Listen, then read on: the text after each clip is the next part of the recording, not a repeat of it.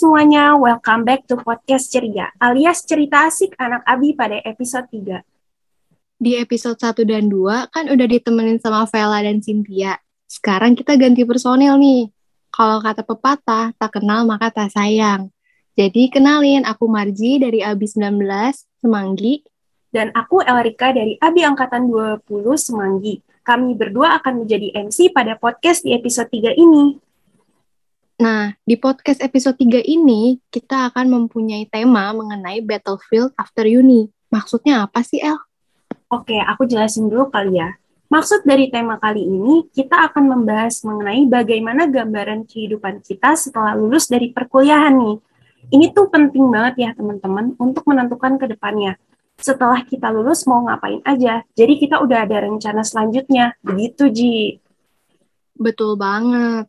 Nah, karena topik kali ini mengenai Battlefield After Uni, maka kita akan kedatangan bintang tamu yang pastinya udah punya pengalaman tentang gimana sih Battlefield After Uni ini. Oke, jadi guys, uh, bintang tamu kita kali ini tuh merupakan alumni dari Administrasi Bisnis Atmajaya angkatan tahun 2017. Dan saat ini beliau sudah memulai karirnya dalam bekerja. Oke deh, daripada penasaran, langsung aja kita panggil Kak Grace. Hai Kak Grace. Hai. Halo, halo. Halo juga Kak Grace. Oke, tanpa lama-lama lagi nih, kita langsung mulai aja ya perbincangan hari ini.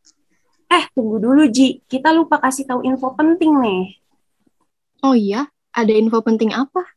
Jadi, di episode 3 kali ini, kita juga mau bagi-bagi voucher OVO lagi. Caranya masih sama seperti waktu di episode 1 dan 2 Nanti di akhir durasi, aku dan Marji akan kasih pertanyaan buat kalian semua. Nah, nanti kalian tinggal jawab pertanyaannya dan kita akan pilih satu orang dengan jawaban paling menarik. Nah, pertanyaannya ini akan ada di Mentimeter. Linknya akan di-share melalui bio Instagram at himabi underscore UAJ. Jangan lupa ikutan ya guys, lumayan loh dapat OVO gratis. Jangan lupa ikutan ya teman-teman.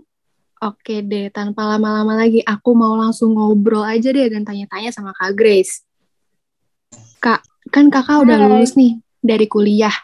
Yes. Dan sekarang kakak udah kerja juga.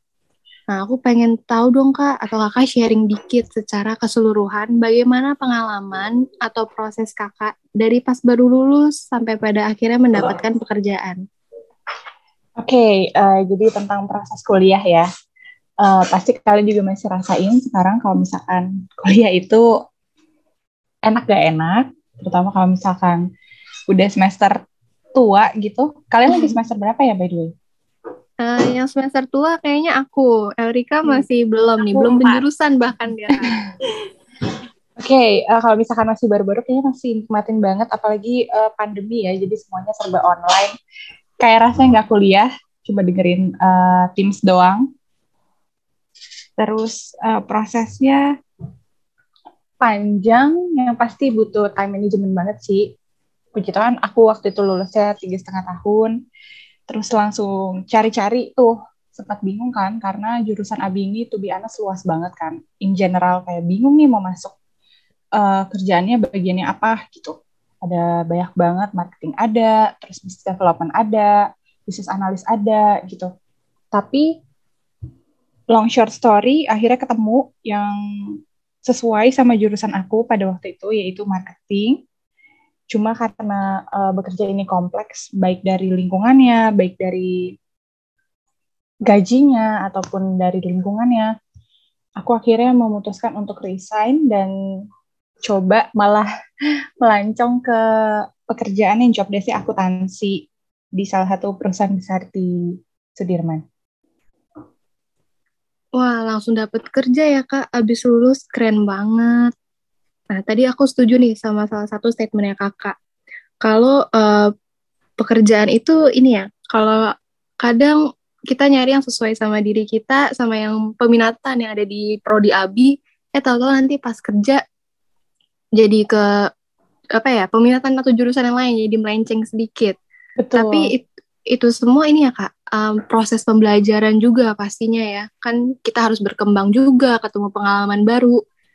Uh, jadi next stepnya itu pasti mungkin ada melenceng sedikit tapi masih tetap ilmunya ada gitu ya kak dari prodi abinya Betul, uh, bersyukur banget sih selama di ABI itu semua mata kuliah dipelajarin ya. Mungkin semester awal akan mikir, oh kita belajar filsafat, kita belajar politik, kita belajar uh, akuntansi gitu ya. Banyak hal banget yang kira-kira kayaknya bukan bisnis banget gitu. Bisnis itu sekitar semester 4 ke atas. Matematika mm -hmm. bisnis, terus uh, proposal bisnis, terus bisnis plan, terus penjurusan-penjurusan entrepreneur sih yang lebih ke bisnis banget. Cuman nggak apa-apa sih dari situ uh, kita jadi dibekali secara luas ya. Karena kan bisnis itu juga kompleks ya. Kita nggak mm -hmm. bisa maju kalau misalkan dari lingkungan internal ataupun eksternalnya nggak mendukung. Nah, bersyukur banget untuk yang masuk ABI. Makanya kan dulu uh, Pak Rahmadi bilang SAB ilmu sarjana apa aja bisa. Iya, benar-benar banget. Jadi kita bisa uh, survive lah di dunia kerja itu dengan ilmu yang ada dengan begitu kompleksnya. Hmm, oke oke keren keren. Kalau menurut Eldika gimana nih El? Oh, aku setuju banget sih sama statementnya Kak Grace karena semua orang itu kan pasti pengennya tuh abis kuliah lulus kuliah tuh pengen langsung kerja gitu ya. Aku sih berharap bisa kayak Kak Grace langsung dapat pekerjaan ya walaupun harus mencari nih pekerjaan yang cocok uh, buat kita tuh kayak gimana sih apalagi di masa pandemi ini sulit ya untuk mencari pekerjaan. Nah, tadi kan Kak Gris udah ceritain tuh bagaimana yes. proses kakak dari masa peralihan kuliah sampai akhirnya bekerja kan. Nah, kalau boleh tahu nih Kak, apa sih profesi pekerjaan yang kakak pilih atau kakak jalanin? Dan kemudian menurut kakak gimana sih gambaran dunia kerja berdasarkan yang kakak rasain? Mungkin dari ekspektasinya sebelum kakak memasuki dunia pekerjaan, sampai realitanya setelah kakak memulai bekerja? Oke, okay, uh, good question ya. Jadi pada saat ini semua orang pasti punya ekspektasi gimana sih uh, caranya survive, apalagi untuk mahasiswa-mahasiswa yang lagi kuliah mau langsung dapat kerja gitu ya. Uh, don't worry sih, menurut aku kalian bisa mulai banget dari sekarang. Contohnya bisa banget dari magang. Dan kalau bisa throwback sedikit nih, hmm, aku tuh gak punya ekspektasi sih sebenarnya bagaimana cara pada saat nanti kita kerja gitu maksudnya. Karena udah dipupuk sedari SMA itu sudah mulai punya sampingan. Waktu itu hmm. mengajar private baik dari murid Indonesia maupun di Qatar. Sebenarnya sampai sekarang sih. Jadi pada saat sekarang kuliah waktu itu juga nggak yang kayak bingung banget gimana sih gitu Terus udah kayak gitu pada saat kuliah itu aktif banget organisasi, sering banget ngadain acara-acara kayak kunjungan bisnis. Terus dulu ada nih podcast kayak gini tapi uh, versi offline ya. Terus udah kayak gitu kita juga magang sebenarnya di Abi nggak diwajibkan ya. Cuma kalau menurut aku, aku himbau banget sih bisa buat magang untuk biar kelihatan juga gimana sih dunia kerja kalau misalkan belum pernah mulai. Dan pada saat kuliah pun aku coba uh, merintis bisnis waktu itu sambil syarat untuk lulus ya, sambil Roa Malio. Jadi dari sekian banyaknya pengalaman udah mulai kebayang, oh iya ternyata cari uang itu seperti itu, baik usaha sendiri maupun di dunia kantoran. Wah, menginspirasi banget nih ceritanya Kak Grace. Amin. Nah, tadi, tadi kan sempat dimention ya Kak, uh, merintis bisnis sambil Roa Maleo ya Kak? Yes, betul. Nah, itu boleh diceritain sedikit nggak sih, Kak, awal mula merintis bisnis sama Ruang Malio? Karena ya, Kak, setahu aku nih, uh, kayak bany masih banyak mahasiswa-mahasiswa itu yang kayak takut untuk terjun dalam uh, memulai suatu bisnis, Kak. Oke, okay, uh, eh, takut ya pertama. Uh, lebih baik takut memulai daripada takut nggak punya uang sih kalau zaman sekarang ya. Karena kalau misalkan nggak mulai-mulai, kapan bisa independen financial independennya ya kan. Jadi lebih baik mulai dulu sih. Apalagi waktu itu sebenarnya bukan karena syarat lulus sih. Menilai waktu itu mama sih yang paling jago kan. Soalnya ini kan uh, masakan Manado. Jadi aku dapat nih opportunity-nya yaitu uh, keluarga yang pintar masak. Jadi kita coba dan ternyata coba jual pertama di kalangan mahasiswa dulu. Aku bawa uh, ke kampus gitu tawar-tawarin teman dan ternyata laku bahkan repeat order dari situ mulai uh, masuk ke Instagram, masuk ke sosial media, terus mulai lagi aku jadi adminnya juga, jadi namanya juga ritisan ya. ya, owner slash admin slash packaging ya. semuanya merangkap job desknya cuman serunya di situ jadi kan serba bisa terus lanjut lagi uh, pas di Instagram mulai legit ke orang-orang lain yang bahkan kita nggak kenal bahkan suka repeat order bahkan reseller sih seperti kayak ada waktu itu kan pandemi banget ya lagi hmm. orang susah juga cari kerja jadi banyak banget yang kayak DM bisa nggak jadi reseller? gitu. Dan dari situ aku ngeliat oh ya itu opportunity juga. Kenapa enggak? gitu loh. Kira coba dan dari situ sih mulai bergerak sendiri. Gitu. Oke, berarti mulai dari melihat sekitar ya kak. Jadi kebetulan mamah bisa uh, bikin sambal, terus kenapa enggak dicoba buat memulai bisnisnya ya kak ya? Betul, aku percaya banget sih semua orang pasti punya opportunity-nya masing-masing, pasti punya bakatnya masing-masing, asal kalian mau asah, olah aja, itu pasti menghasilkan kok. Oke, nah berarti boleh nih buat teman-teman semua nih uh, untuk mencoba merintis bisnis kecil-kecilan. Ya emang harus memulai dulu ya kak, jangan jangan takut-takut untuk memulai suatu bisnis. Kalau ada kemauan kita pasti bisa. Betul. Biar nanti uh, berarti kita uh, buat teman-teman jangan lupa untuk mencoba. Nah, biar nanti kita udah ada pengalaman akan berbisnis setelah kuliah. Bener kan, Ji?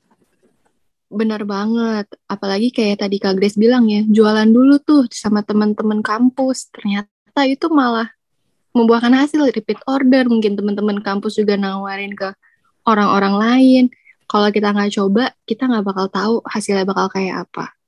Kak, aku penasaran nih, kan sebelumnya kakak sama kayak kita ya, kuliah di Atma, ambil jurusan ABI. Nah, kira-kira pelajaran apa yang kakak dapat dari Atma Jaya sendiri yang bisa diterapkan untuk memulai karir kakak dalam bekerja? Terus ada nggak sih kak ilmu-ilmu yang kakak pelajarin di prodi ABI sendiri yang berguna di posisi kakak sekarang? Oke, okay, uh, eh, to be honest banyak banget ya, seperti yang aku udah mention uh, sebelumnya. Kayak banyak banget mata kuliah yang berguna, terutama karena waktu itu aku ambil penjurusannya kewirausahaan, entrepreneur. Pilihannya ada tiga ya, bisnis internasional, SDM, sama entrepreneur.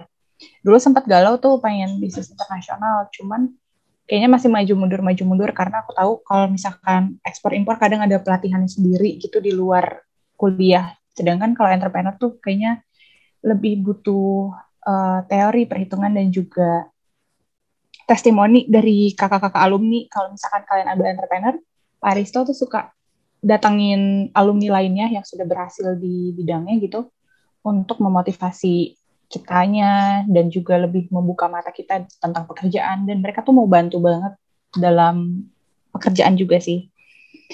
Terus tadi balik lagi mata kuliah berjasa banget. Pak George uh, juga dan dosen-dosen lainnya Terus bersyukur banget sih tadi yang aku bilang ya ada politik, ada filsafat, terus ada mata kuliahnya keuangan bisnis, bisnis plan, hmm. pemasaran, akuntansi, matematika bisnis dan lain sebagainya. Itu berguna banget buat bekal kita sih untuk oh. ilmu maupun praktek secara langsungnya. Hmm, hmm, Wah, mata kuliah yang biasanya selalu dibilang susah ya, Kak. Itu justru berkesan banget buat kakak. Ternyata masuk kerja langsung kepake tuh ilmunya ya, Kak, ternyata. Yes, betul harus serius belajar terus dan bagus nih El supaya nilai kita bisa bagus juga dan bisa habis lulus langsung dapat kerja kayak Kak Grace. Iya benar banget. Karena biasanya ya kalau ada mata kuliah yang susah itu pasti kan kita kayak gampang langsung ngeluh gitu nggak sih? Padahal sebenarnya hal-hal yang sering kita ngeluhin itu tuh banyak manfaatnya. Nah, buat teman-teman nih, jangan sering mengeluh dulu ya. Kita tuh harus berusaha terlebih dahulu uh, buat suatu mata kuliah. Oke, kalau gitu, kemudian aku mau nanya lagi nih ke Kak Grace. Pas kakak masuk ke dunia kerja, nggak mungkin dong ya, uh, kalau sistemnya itu sama seperti kuliah. Pasti banyak banget hal-hal baru yang Kak Grace peroleh. Nah, kalau kakak ngelihat dari diri kakak sendiri nih, kira-kira apa sih tantangan yang harus kakak hadapi ketika kakak masuk ke dalam dunia pekerjaan? Oke, okay, uh, eh, tantangannya lebih ke internal dan eksternal ya udah pasti. Kalau lingkungan eksternalnya dulu seperti yang kita tahu, kalau misalkan zaman sekarang itu kan masih pandemi ya, masih banyak banget kantor-kantor yang merumahkan karyawannya atau lebih sedikit atau lebih bahkan banyak banget yang pemotongan gaji gitu. Jadi berarti kantor aja kadang belum tentu survive, belum tentu mau rekrut orang baru gitu. Jadi balik lagi ke internalnya kita. Karena zaman udah berkembangnya gila pesat banget, kayak sat-sat-sat gitu sekejap mata malah berubah banget. Kita mesti fit tuh kebutuhan kantor. Contoh uh, kualitas diri. Kayak kemarin di kantorku ada yang magang Microsoft Excel aja nggak bisa gitu. Padahal udah susah banget nih mau masuk gitu ya, mau keterima. Udah dapet, tapi ternyata malah soft skill-nya aja nggak ada. Lagian kayak Microsoft itu kan penting banget ya, Word, Excel, dan lain sebagainya itu udah penting banget kita bisa. Jangan cuman karena magang, oh jadi ya udah dianggap sebelah mata gitu. Jadi berkaca lagi sama kualitas diri yang kita punya, public speaking terutama kita nggak boleh malu-malu, kita harus berani speak up apa yang ada di kepala kita, lalu juga time management, lalu juga pengambilan decision, itu penting banget, itu dibutuhkan banget deh pokoknya. Jadi menurutku kalau misalkan ada tantangan eksternal, oh uh, lagi pandemi, tapi jangan sampai itu menjadi mengecilkan kita gitu, nggak bakal bisa dapat kerja nih dan lain sebagainya. Justru itulah tantangan kita. Kalau kita bagus, kualitas diri kita bagus, pasti ada aja jalannya. Gitu sih. Oke, iya bener banget ya Kak. Uh, masa pandemi ini emang mengubah kehidupan kita banget. Tapi uh, pesan dari Kak Grace ini berarti kita kayak nggak boleh uh, putus asa ya Kak. Terus mencari kerja sampai kita dapat uh, dengan memanfaatkan uh, apa sih yang kita bisa gitu. Betul. Terus kalau misalkan kelihatannya nih oh lama dia dapat kerja coba aja dulu merintis bisnis sampingan kayak online shop kan bisa banget nih jadi dropshipper ya kita nggak pegang barangnya kita juga nggak packing cuma ngambil dari Shopee atau Tokopedia atau e-commerce lainnya tapi kita dapat keuntungan dari sana gitu jadi menurutku sekarang adalah uh, pikirannya yang mesti terbuka yang jangan buntu gitu oh oke okay, kalau misalkan satu belum bisa kita coba cara lain gitu sih Oke, banyak cara yang bisa kita ini ya kita lakuin gitu walaupun belum keterima kerja. Nah yes. tadi kan di-mention juga uh, pandemi nih harus fit terus ya kak ya.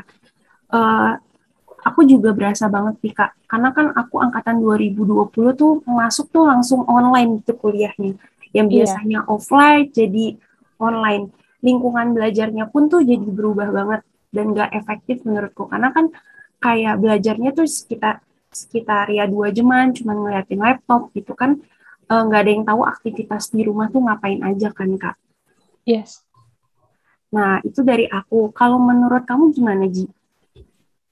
Bener banget. Apalagi kalau angkatan aku ya yang pernah ngerasain offline terus tiba-tiba jadi online itu kayak apa ya bisa dibilang kultur shock juga gitu. Karena terbiasanya kuliah itu belajarnya ya di kelas gitu ketemu teman-teman. Sekarang di rumah ngeliatin laptop doang gitu jadi bingung juga gitu. Karena ada enaknya ada enggaknya sih plus minus. Tapi balik lagi gimana caranya kita bisa menyesuaikan diri dan berusaha. Yes betul aku uh, berasa banget juga sih karena kan aku angkatan baru nih masuk S2 baru semester 2 mm -hmm. uh, langsung online betul. Dari semester lalu udah online dan betul culture shock ya. Cuma satu sisi itu adalah nilai plus sih buat aku. Jadi sambil kerja sambil uh, mengajar tapi tetap bisa kuliah gitu. Jadi bisa multitasking aja dalam satu waktu nggak membebankan hmm. sih daripada mesti macet-macetan ke Atma lagi gitu iya benar-benar iya, jadi ya dianggap positif aja lah daripada kita stres sendiri. Oke mantap. Kak kalau tadi sebelumnya kan kita udah ngomongin nih soal tantangan. Pastinya dalam menghadapi tantangan itu kakak ng ngalamin deh atau ngerasain perasaan tertentu gitu selama bekerja ya terutama. Nah aku kepo nih kak. Kira-kira gimana sih suka dan duka kakak yang kakak rasain selama kakak bekerja saat ini? Oke, okay. ke suka dulu ya. ya Kalau suka itu of course uh, kita punya pendapatannya sendiri ya dibandingkan tadi aku sempat mention lebih baik uh, takut nggak punya duit daripada takut mulai duluan gitu. Karena uh, zaman sekarang takut banget ya apalagi sekarang harga semua lagi tinggi PPH juga naik dan everything get expensive gitu. Jadi kita lebih baik harus bersiap diri baik secara materinya juga kan. Dari situ juga kita bisa memberkati untuk keluarga, untuk teman-teman, untuk kerabat dekat kita gitu. dan juga kita jadi mandiri uh, secara finansial nggak bergantung sama orang tua nggak bergantung sama pasangan nggak bergantung sama teman tapi kitanya sendiri sudah mandiri gitu terus uh, profesi aku sekarang ini membuat aku keluar dari comfort zone which is good ya karena menambah pengalaman menambah wawasan juga mengenal dunia accounting yang dulunya aku kerja di bagian bisnis gitu terus uh, menambah channel menambah relasi sudah pasti karena paling penting di zaman sekarang juga relasi ya orang dalam kalau kata anak-anak zaman sekarang. Untuk masuk kerja penting banget ada orang-orang dalam di setiap kantor gitu. Terus kalau duka uh, paling dari banyaknya kesibukan kayak apa ya rasanya kayak capek udah pasti ya secara fisik. Jadi kayak perlu membagi waktu, time managementnya sih paling kayak gitu. Kadang nggak ada nafasnya kayak maunya membelah diri gitu kayak mesti ngerjain satu hal ke hal yang lain tapi semuanya tuh dalam satu waktu. Kayak aku uh, pulang kantor itu setengah enam itu dari Sudirman pulang ke Jakarta Barat. Sampai rumah kira-kira setengah tujuh atau jam enam empat lima tapi jam tujuhnya itu langsung ngajar. Jadi kayak istirahatnya cuma 15 menit lanjut lagi.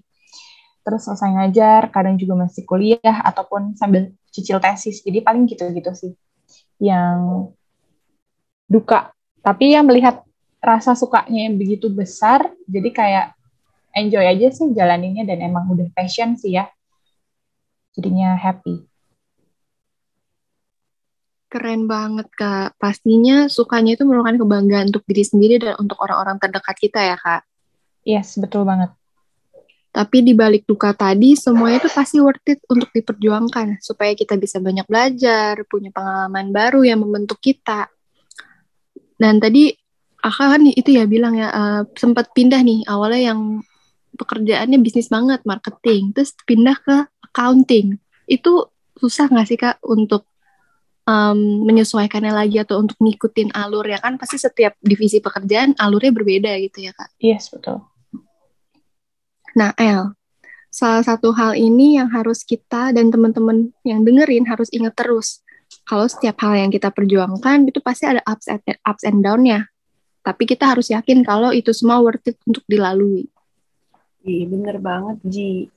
Nah, setelah kita sharing-sharing mengenai pengalaman bekerja, suka duka, dan hal lainnya, aku pengen nih kakak boleh memberikan tips and trick untuk para mahasiswa dan mahasiswi yang masih berkuliah untuk melangkah nantinya masuk ke dunia kerja. Biar teman-teman yang dengerin podcast ini nantinya bisa lancar dalam memilih jalan yang benar. Oke, okay, uh, so tips and trick masuk organisasi. Itu udah pasti ya, harus aktif sih throwback dulu zaman kuliah itu uh, dari staff internal masih ada nggak sih uh, internal eksternal masih kak masih ada. Elrika kebetulan staff internal nih kak. Iya, oh internal. staff internal dulu berangkat dari situ tuh dari staff internal. Terus langsung tahun berikutnya periode berikutnya masih jadi wakil ketua wakil ketua satu. Itu seru banget ya mengalami benar-benar ketemu banyak orang banyak pada saat muda banget. Awal-awal semester ketemu kakak-kakak tingkat, ketemu dosen-dosen yang baik, ketemu seminar-seminar dengan gestar yang bagus-bagus banget, speaker yang oke-oke banget gitu. Jadi masuk organisasi pertama. Kedua itu tadi ya yang pernah aku mention magang. Sebenarnya kan di ABI itu nggak diwajib, diwajibkan ya.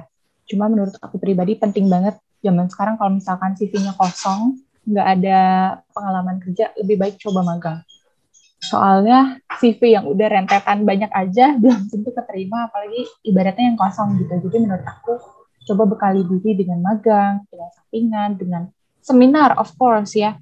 Banyak seminar juga yang bagus-bagus banget. Cari speaker-speaker yang bagus. Uh, Google setahu aku juga ada pelatihan free deh. Bisa di googling aja untuk jadi sertifikat kita untuk masuk ke CV oh ya pernah ikut pelatihan Google nih. Oke okay, gitu. Terus juga setia sama perkara kecil sih menurut aku tips and triknya jangan lihat kita oh sekarang kita lagi sederhana kita lagi uh, organisasi seperti sekarang lagi do podcast gitu kayak kalian masih merintis. Tapi nanti itu kalian setia dari kecil kecil kecil nanti Tuhan pasti percayakan perkara yang lebih besar perkara yang lebih hebat untuk kalian nih teman-teman semua. Wah, keren banget nih tips and triknya yang dikasih sama Kak Grace. Semoga udah menginspirasi dong pastinya ya buat teman-teman semuanya. Udah membantu juga pastinya nih ada banyak cerita-cerita yang inspiratif yang bisa membangun semangat kita. BTW, El, kan ini sesi sharing-sharingnya udah selesai nih. Kira-kira ada apa ada apa nggak abis ini? Tentu ada dong, Ji. Sesuai janji kita di awal, kita bakal adain giveaway saldo OVO nih. Daripada berlama-lama lagi, aku langsung kasih aja pertanyaannya. Nah, buat teman-teman yang masih kuliah atau sekolah, ini pertanyaannya ya, disimak baik-baik. Apakah kalian sudah memiliki gambaran untuk masa depan? Jika sudah, bagaimana cara kalian mempersiapkan diri untuk melangkah ke masa depan? Nah, teman-teman bisa jawab pertanyaannya, tulis di Mentimeter yang akan di-share lewat IG Himabi dan Bisnis UAJ. Dan kita akan memilih pemenang dengan jawaban terbaik dan termenarik. Nah, nantinya pemenang giveaway ini juga akan diumumkan di IG Himabi underscore UAJ dan IG Bisnis UAJ. Paling lambat dua minggu setelah podcast ini tayang. Jadi teman-teman jangan lupa ikutan ya. Iya, betul banget. Jangan lupa untuk ikutan ya. Oke deh, karena kita sudah di penghujung durasi, pertama-tama kita mau mengucapkan terima kasih banyak buat Kak Grace yang sudah bersedia hadir jadi bintang tamu di episode kali ini. Nah, sebagai penutup, boleh dong Kak Grace kasih quotes yang cocok untuk menjadi uh, pedoman buat kakak selama ini. Oke, okay, uh, eh, aku thank you banget juga udah diundang sama kalian, sama Himabi. Masih ingat kita bahkan cari-cari alumni ya, semangat untuk kalian juga. Terus aku mau apresiasi juga, sekarang Himabi bagus banget loh, mengikuti perkembangan zaman banget. Aku suka lihat fixnya, suka lihat story-nya, suka lihat uh, aktivitas-aktivitasnya seperti sekarang nih podcast salah satu terobosan ya. Di saat kita nggak bisa ketemu tapi ternyata kalian bisa ketemu ide cemerlang tetap bisa berorganisasi dengan baik. Pokoknya semangat buat Himabi berapa? Sembilan ya?